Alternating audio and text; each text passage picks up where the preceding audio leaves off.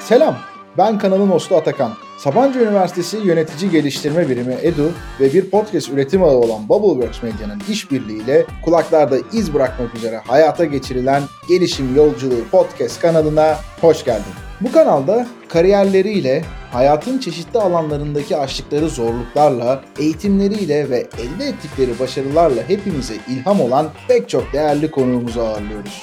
Kanalda 3 farklı serimiz var. Bu bölümde ülkemizde ve globalde çeşitli büyük ölçekli kurumlarda üst düzey yöneticilik deneyimi olan konuklarımızla konuştuğumuz yöneticiler için fark yaratacak yaklaşımlar ve metotlar serisinden harika bir içerik seni bekliyor. Keyifli dinlemeler.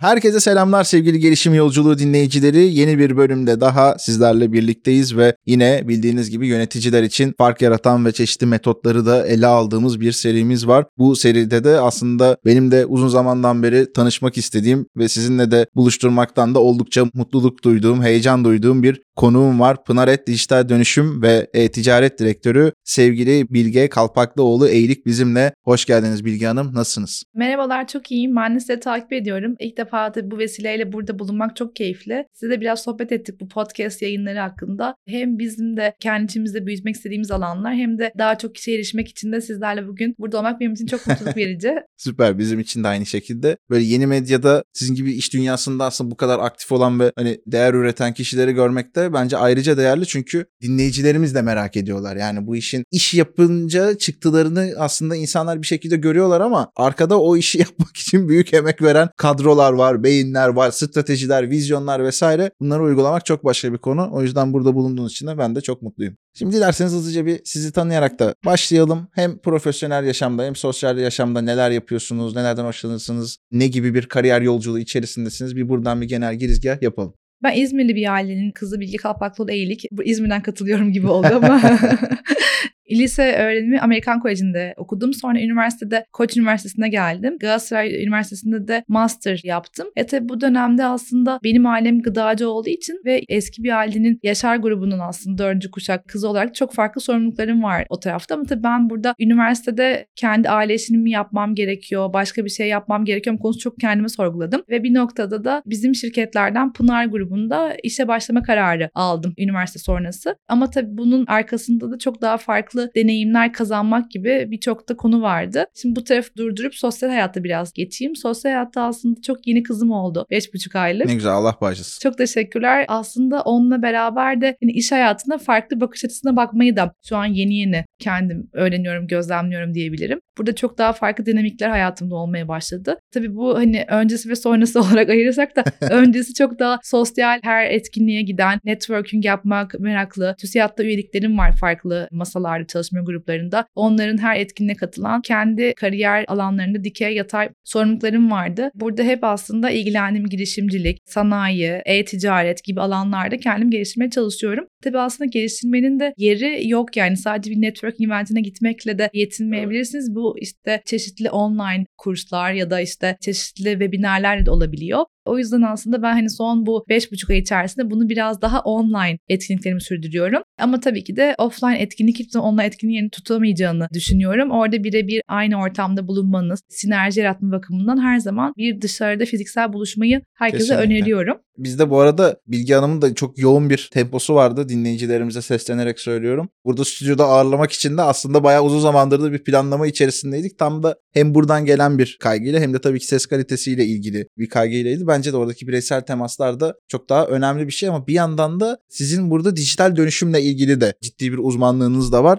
Bir nevi bu uzaktan yapılan işleri de daha böyle destekleyen, ölçekleyen evet. bir noktaya götürmeyle ilgili hedefleriniz var. İş nasıl dijital dönüşüme geldi sizin için? Nasıl e-ticarete geldi? Biraz işin oralarına değinelim isterseniz. O zaman şöyle toparlayayım çok hızlıca. Orada dijital dönüşüm aslında artık olmazsa olmaz bir tanım. Artık bütün şirkette dijital dönüşüm departmanları kurulmaktansa her işin kendisinin dijital dönüşümü konuşulmaya başlandı. Çünkü sonuçta yani çok büyük bir yapı içerisinde herkes kendinden sorumlu olması gerekiyor ve kendisini dönüştürmesi gerekiyor. Bu yüzden de birçok birimin artık KPI'ında dijital dönüşümle ilgili bir takım beklentiler yapmak durumunda. Bu diğer taraftan ben nasıl bu alana geldim? Aslında çok hızlı bir kariyer yolculuğundan da bahsedebilirim. Süper olur. 2006 yılında Koç Üniversitesi'ni bitirdim. 2012 yılında Galatasaray Üniversitesi'nde master'ı bitirdim. Ekonomi hukuku bölümünü bitirdim Galatasaray'da. Koç'ta işletme okudum. Yani işletme üzerine ekonomi hukuku master'ı böyle bir değişik bir programla tamamladım. Ama o sırada master yaparken de dedim hani ben aile şirketlerinden İstanbul'da olan taraf daha çok aslında Pınar'ın pazarlaması. Ben Pınar pazarlama altında farklı birimlerde bir görmek istiyorum. Çünkü orada belki hem en alttan yetişirsem işi ne kadar sevdim sevmedim. Çünkü o en altları aslında en zorlu işlerdir. En altlarını sevdiğiniz zaman üstleri çok daha seversiniz. O yüzden ben aslında başka yerlerde gidip deneyim elde edip gelmektense o alttaki kültürü de görmek istedim ki daha sonra daha belki değişim alanında destek olabilirim diye kendi içimizde.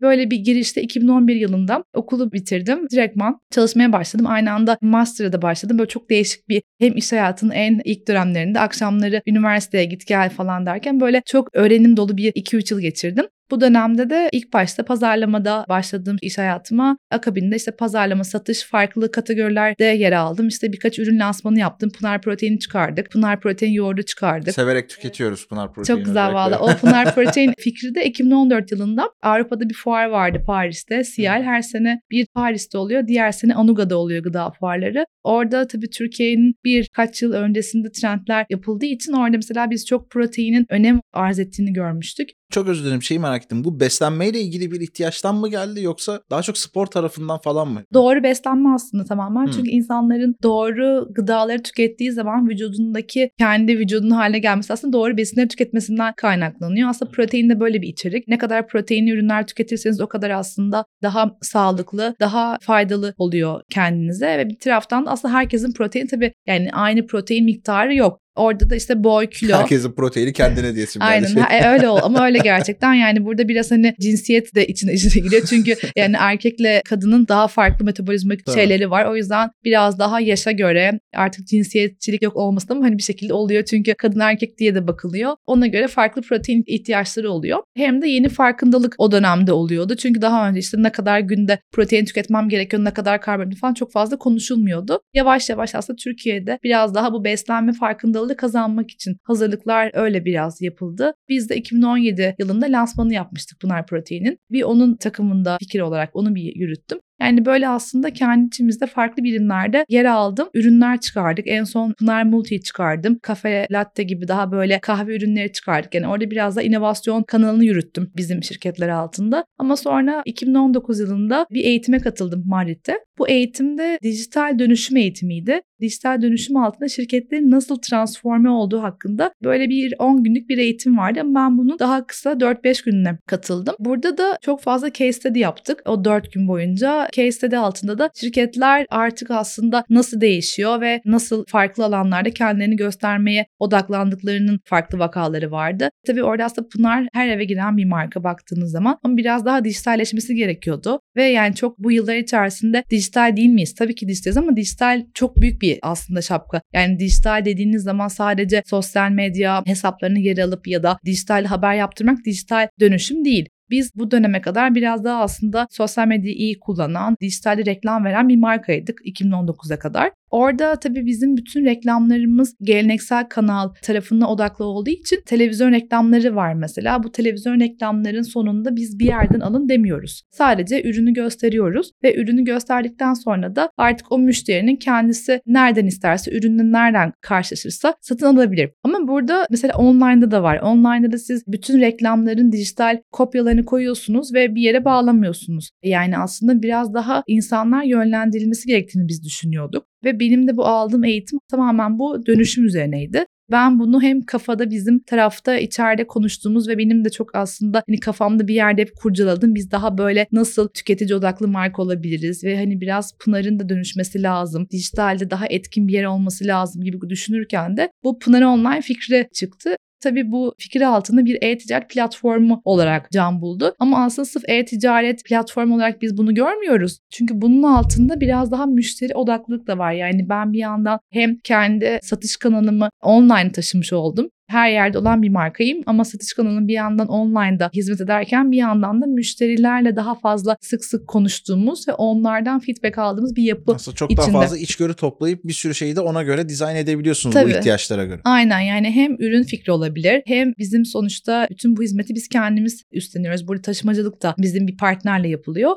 O yüzden biz varız yani kapısını açtığı zaman müşteri beni görüyor. Biz daha bugüne kadar hiç kendimiz bir müşterinin kapısına gitmiyorduk. Yani aslında çok daha hayatımız değişti. Normalde sadece bir noktaya sattığımız ve satışı bitirdikten sonra bir şekilde takip ettiğimiz bir datayı artık kendimiz birebir takip eder hale geldik. Yani üçüncü bir partiden data almaktansa bütün verileri kendi merkezimizde toplamaya başladık. Bu da aslında bizim bugüne kadar tüm ürün portföyünde bizim çoğu kişiden aldığımız cevaplar ve hani tepkilerle bilinmeyen ürünler de ortaya çıktı. Yani mesela Pınar deyince ilk akla gelen süt. Sonra belki sucuk salam geliyor ama mesela donuk portföyümüz var. İlk defa mesela boyozu duydum diyen, böreği duydum diyen ya da işte köfteler var. Ya çok ben köfteleri bulamıyorum ya da bilmiyorum diyen birçok kitle de çıktı. Tabii biz bu işe girerken Pınar bütün dünyada da satışı olan bir marka. Çok farklı ülkelerde farklı ürün portföylerinle yer alıyoruz. Bütün bu ürün portföylerini Türkiye'deki açamıyorsunuz çeşitli marketlerde. Biz burada aslında kendimizce potansiyel gördüğümüz yurt dışı verdiğimiz ürünleri de Türkiye'de online'da ilk defa açmaya karar verdik ve deneme de yaptık. Nasıl gitti sonuçta? Şöyle aslında çok daha farklı markalar vardı. İşte Plenty daha çok vegan beslenme üzerine kurduğumuz bir marka. Bu yurt dışında çok büyüyen bir pazar. Türkiye'de o kadar büyümüyor ya da büyümesi için doğru müşteriye doğru kanalda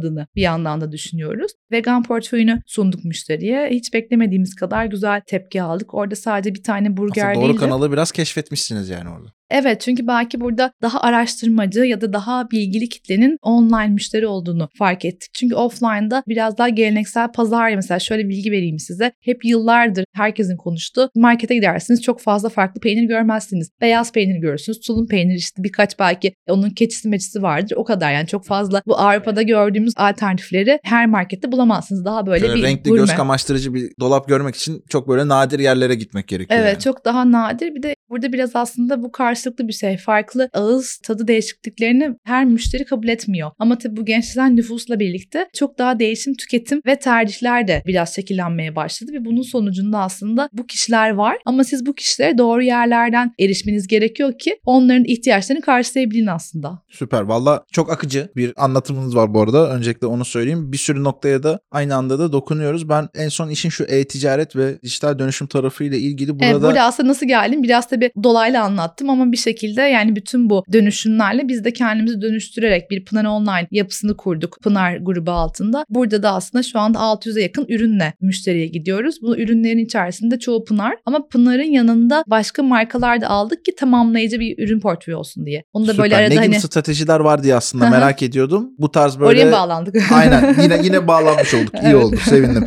Başka bu strateji tarafıyla ilgili eklemek istediğiniz bir şey var mı? Çok var. Aslında şöyle müşterinin trendleri de değişiyor. Biz baktığımız bu dönemde aslında 2024'ü çok daha yeni göze attım. Şimdi yapay zeka, herkes yapay zeka konuşuyor. Nedir bu yapay zeka? Hatta böyle bir acaba içerik mi yazsam diye düşündüm. Çünkü biz de mesela yapay zekayı yapıyor muyuz? Kendimiz yapmıyoruz ama yapılan üçüncü partideki bazı araçlarla birleştiriyoruz ve aslında birçok şey yapay zeka. Ama yapay zeka teknolojisini geliştirmek için çok daha farklı bir altyapınız olması gerekiyor. Şimdi ben o yüzden hani yapay zeka bizim en takip ettiğimiz trend olsa bile şu aşamada çok fazla kendimiz bunu geliştirmiyoruz. Ama diğer taraftan biz neler odaklanıyoruz? Mesela sürdürülebilirlik. Biz bir yandan da Global Compact'in ilk imzacılarındanız 2007 yılında. Bu iş modelini kurarken de ben her zaman şey önem verdim. Yeni biz bir e-ticaret işine biraz görece geç girdik. Yani 2019'un sonlarında başladı bütün bu yazılım süreçleri. Altyapı çalışması derken 2020 yılı gibi biz bunun lansmanını yapalım derken 2021 yılını buldu. Pandemi mandemi derken 2021 yılının biz yaz aylarında tanıttık müşterilere uygulamayı ve web sayfamızı. Bu dönem içerisinde de biz bunu kendi sahiplendiğimiz alanlarla niye açmıyoruz? Yani mesela bir sürdürülebilirlik bizim en önem verdiğimiz çünkü Pınar Süt'ün kuruluş hikayesi bu. Dedem Selçuk Yaşar çok araya bir anlatayım bir anekdot. Harika olur. Orada dedem Selçuk Yaşar İzmir'in Pınarbaşı ilçesinde orada işte fabrikanın kurulduğu bölgelerde çiftçilerin bütün sütleri tüm Türkiye'ye götüremediğini görüyor ve bütün bu günlük sütler aslında uygun bir paketleme olmadığı için dereye döküldüğünü fark ediliyor.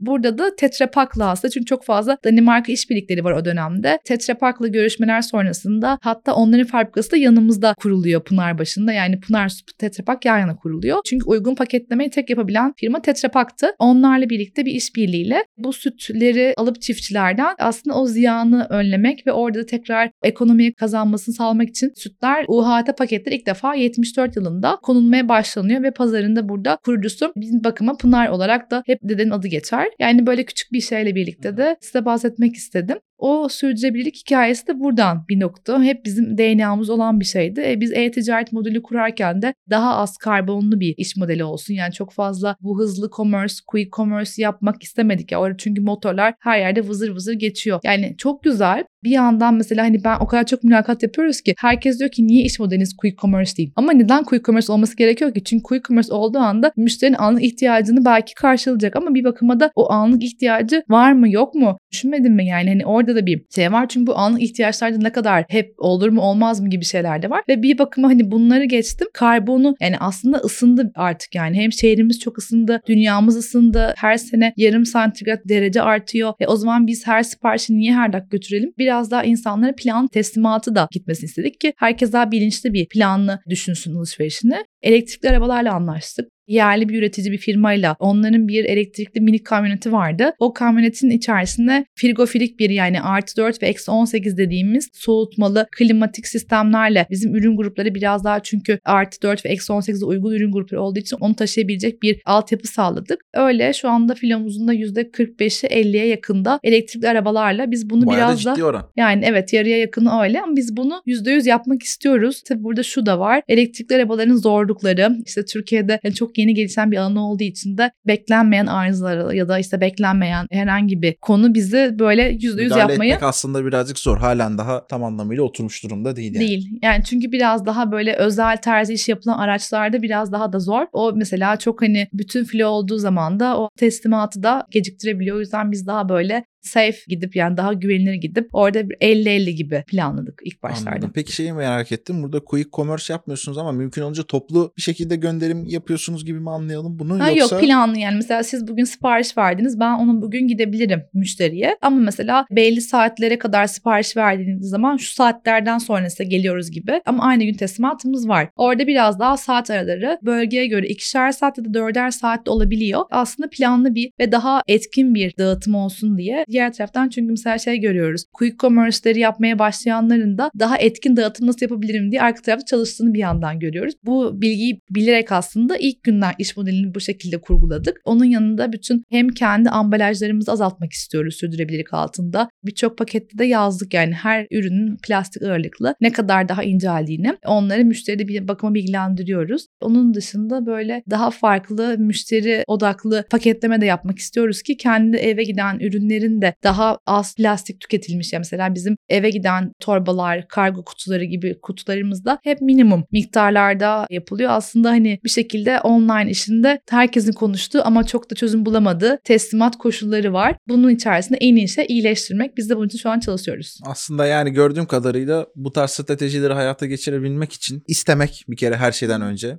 Değil mi? Bunun için düşünmek ve buna uygun adımları atacak cesareti veya cesaret olmasa bile ne diyeyim buradaki o özveriyi göstermek gerekiyor. Gösterdiğin zaman hem ortaya bir şeyler çıkıyor hem de bunun daha iyi noktaya gidebilecek olduğunu da görebiliyoruz. Aslında yani kurumlar için bu mümkün. O yüzden gayet de güzel örneklerdi. Bir yandan da hem TÜSİAD tarafınızdaki rollerden de biliyorum. Hani bugünkü ana konumuz bu değil aslında. Daha çok dijital dönüşüm, değişim üstüne konuşuyoruz ama işin girişimcilik tarafına da değinmek istiyorum. Çünkü bunlar bir girişimci bakış açısı. Yani bu dönüşüme açık olmak, bu dönüşüme açık olmanın ötesinde bunun için adımlar atabilmek ve bunu da bu kadar büyük ölçekli ve köklü bir kurumun bünyesinde yapmak aslında ülkemizde hani örneklerini görmeye başladığımız ama henüz daha yeni derinleşme yolculuğunda olan konular. Sizin girişimcilik işte burada kurumun içerisindeki bu zihin yapısının benimsenmesi bunun en tepeden en aşağıya kadar bütün takımlar nezdinde, karar vericiler ve uygulayıcılar nezdinde kullanımıyla ilgili düşünceleriniz neler? Çok güzel bir soru. Çünkü her kurumun farklı bir dinamikleri vardır. Kurum kültürü vardır, kurum yapısı vardır. Bazı çalışanlar kendi fikirlerini rahatça söyleyemediği ya da bulamadığı platformlarda olduğu için aslında o fikirler orada kalıp belki çok değerli katma değer katacak konu başlıklarını bile konuşamadıkları şeyler olabilir. Ama burada tabii ki de şuna bakılması lazım. Bir şirket ya da bir yapı içerisinde kurumlarda girişimcilik platformu var mı? Varsa burada aslında o kişinin kendi fikrini göstermesi, yer alması gerekiyor. Çünkü ben tabii TÜSİAD'da kurumlarla girişimcilik başkanlığı yürütüyorum aynı zamanda. Oradaki verilere baktığımız zaman da her şirkette böyle oluşumlar yok. Yani kurumlarla girişimcilik departmanı çünkü bunun için ayrı bir kadro, ayrı bir ekip, ayrı bir planlama gerekiyor. Neyi görüyoruz? Farklı birimler içerisinde çalışanların en kolay şekilde fikirlerini bile paylaşacağı bazıları işte fikir kutusu yapıyor, fikirleri İK'lar topluyor, kurumsal iletişimler fikir yarışması yapıyor. Bu aslında kurumlarda girişimcilik departmanının bir önceki versiyonlarında olan da birçok şirket olduğu için orada biz hep şunu söylüyoruz. Yani insanlar çekinmeden fikirlerini mutlaka aktarsın ve ben bu fikirle acaba fikrim beğenilmez mi ya da değer bulmaz mı ya da ben bu fikrimle tam istediğimi açıklayamaz mıyım gibi düşünüldüğü zaman aslında orada konu yani tıkanıklıklı oluyor kişinin. Burada aslında herkesin her düşündüğü şeyi bir şekilde birisine ulaştırması gerekiyor. Yani burada tabii çok hiyerarşik şirketler de olabilir. Kendi fikrini bile söylemekten çekinen belki çalışanlar vardır ama bunu çekinmeden yani kendi yöneticisi eğer bu fikri iyi karşılamayacağını düşünüyorsa o zaman başka yönetici ya da başka sohbetler esnasında o fikrini söyleyebilir. Aslında burada denemek yani eğer birisi bir şeye inanıyorsa bunu belki iki defa değil belki on defa deneyecek ama bunu denediği zaman o kendisi bu çabasının karşılığını alabileceğini düşünüyorum. O yüzden de farklı ortamlardaki olan oluşumlara mutlaka kişiler kendilerini katarak yani orada artık hani ürün fikri olur, inovasyon fikri olur ya da bir işbirliği olur. Bunların hepsini söylemesi gerektiğini düşünüyorum ve söylediği takdirde kendisine bir şans verilecektir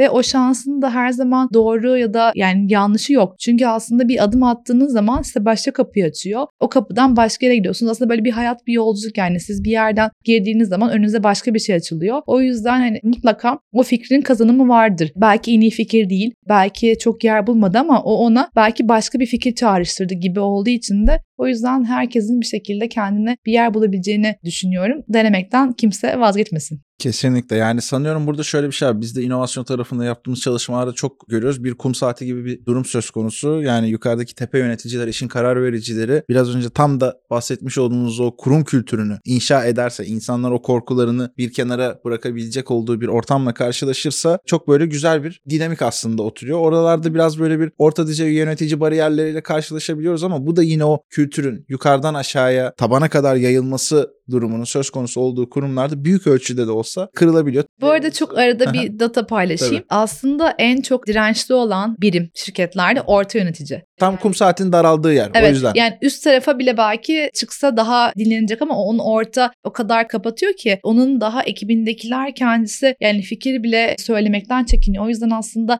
o orta yöneticinin de biraz kendini yenilemesi ya da çünkü bazen işte herkes çok hani koltuk sevdalısı diyeyim. Öyle bir şeyler de var. Şirket içerisinde kişiler de var. Hani herkesin koltuğu değişebilir. Aslında herkes kendi koltuğunu birisine bırakmak durumunda. O yüzden de ekibi geliştirmek üzere yani kendi koltuğuna gelecek kişilere hep bir eğitim verilmesi gerekiyor. Biz bu yaptığımız kurum içi çalışmalarında da bunu destekliyoruz. Yani aslında orta yöneticileri daha da bilinçlendirmek, onlara da bir fayda sunmak önemli ki o da kendisinden sonra gelecek kişilere yolu açsın bir bakıma. Aynen öyle kesinlikle. Bu daralmalara izin vermemek Aynen gerekiyor. çok doğru. Şimdi yavaş yavaş bölümün sonuna doğru da geliyoruz. En başta da bölüme başlarken kendi aramızda da konuşmuştuk. Zaten süre bunları konuşmanın tamamına yeterli değil ama Değil. mümkün olduğunca önemli noktalara değindik o yüzden diye ben de bu düşünüyorum. soruları gördüm dedim çok güzel sorular. Böyle beni bir iki saat bunu daha Ama uzun- büyük oranda hı. Hepsine kapsadık yani. Çok Hemen iyi. hemen hepsine dokunduk. O yüzden ben böyle tiklerimi ata ata gidiyorum. İçimde kalan bir şey yok. Sadece birazcık böyle özellikle kariyerin başlangıcında belki olan, belki tam da konuştuğumuz bu orta düzey yönetim kademelerine doğru adım atmakta olan, belki de oraları çoktan geçmiş dinleyicilerimiz de var. Onları da biliyoruz ama genel bir tavsiye niteliğinde olması için şöyle bir şey sormak istiyorum. Hatta Sabancı Üniversitesi EDU'nun da bir değişim yönetimi diye bir programı eğitimi de var. Oradan da esinlenerek şey yapıyorum. Bu değişimin içerisinde olmak ve bu değişimi yönetebilmek acayip önemli bir konu. Siz de bu konumda olan bir yönetici olarak buradaki o değişim yolculuğunda yani böyle kariyerin başından sonuna kadar neye nasıl açık olmak gerekiyor? Yani değişime açık ol demek okey güzel bir tavsiye ama nasıl bir zihin yapısı demek bu? Nelerle karşılaşmak demek? Ne gibi tavsiyeleriniz olur?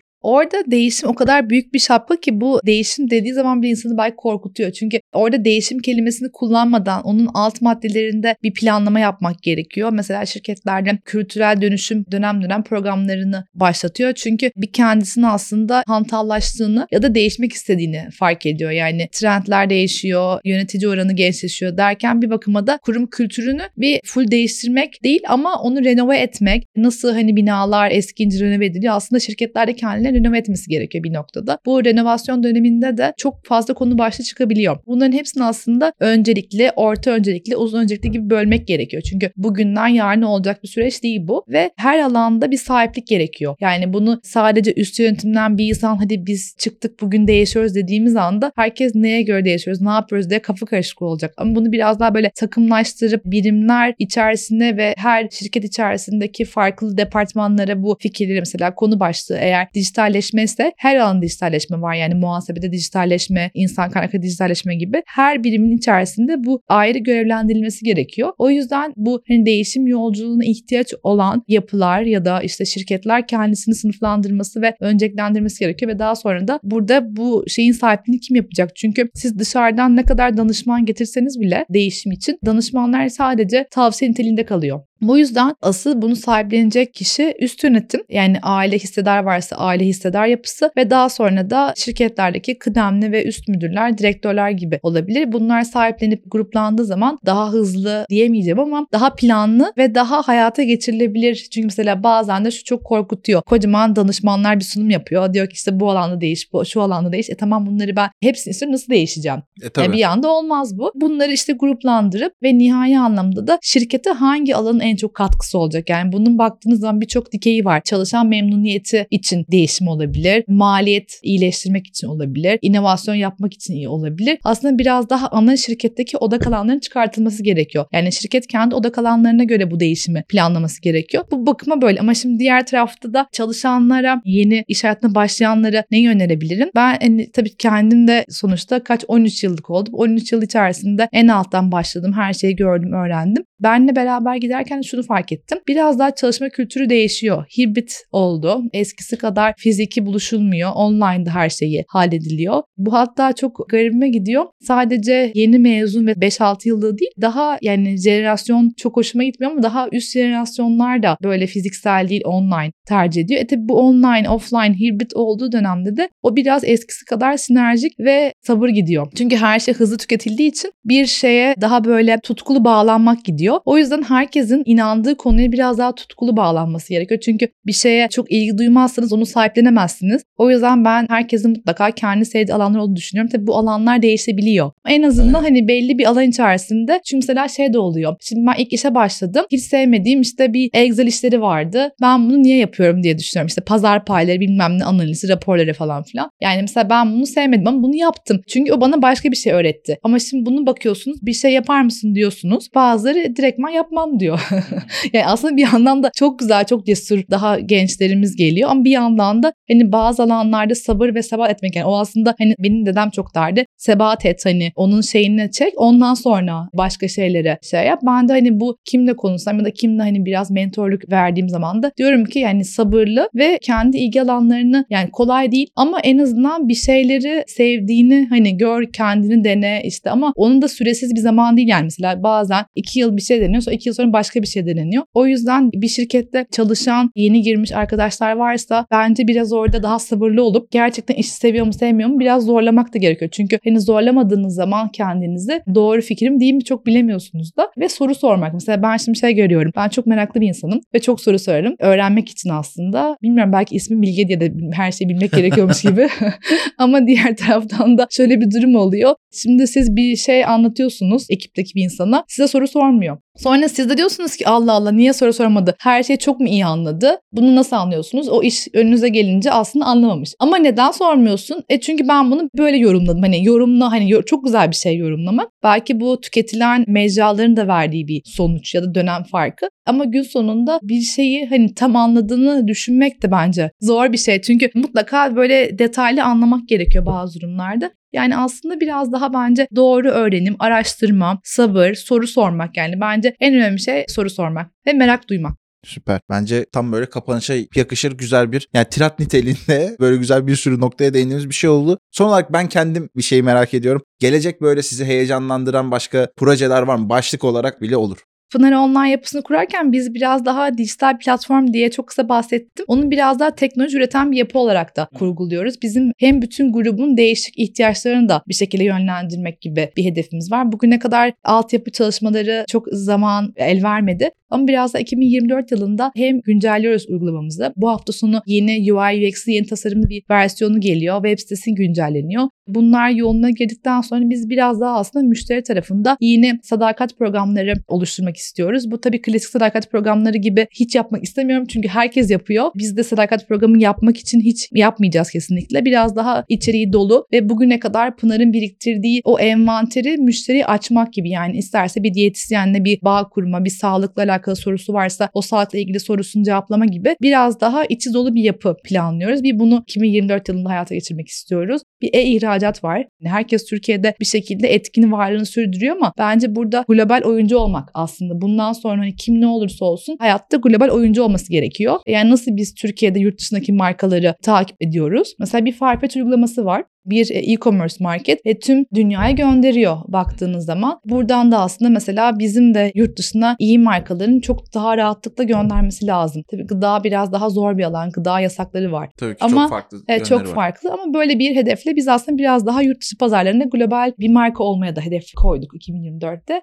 Vallahi harika. Yani böyle böyle güzel inşallah tekrar gelirsek de bunları anlatabiliriz. Aynen ben de aslında tam o niyetle şey yaptım. Bakalım yani 6 ay sonra bir araya gelsek veya bir sene sonra diyeyim neyse ne gibi yeni konu başlıklarına dokunuruz. Yine bayağı dokunacak ve süremizin yetmeyecek olduğu konular var belki evet ben çok konuşuyorum siz beni durdurmanız lazım. ya estağfurullah.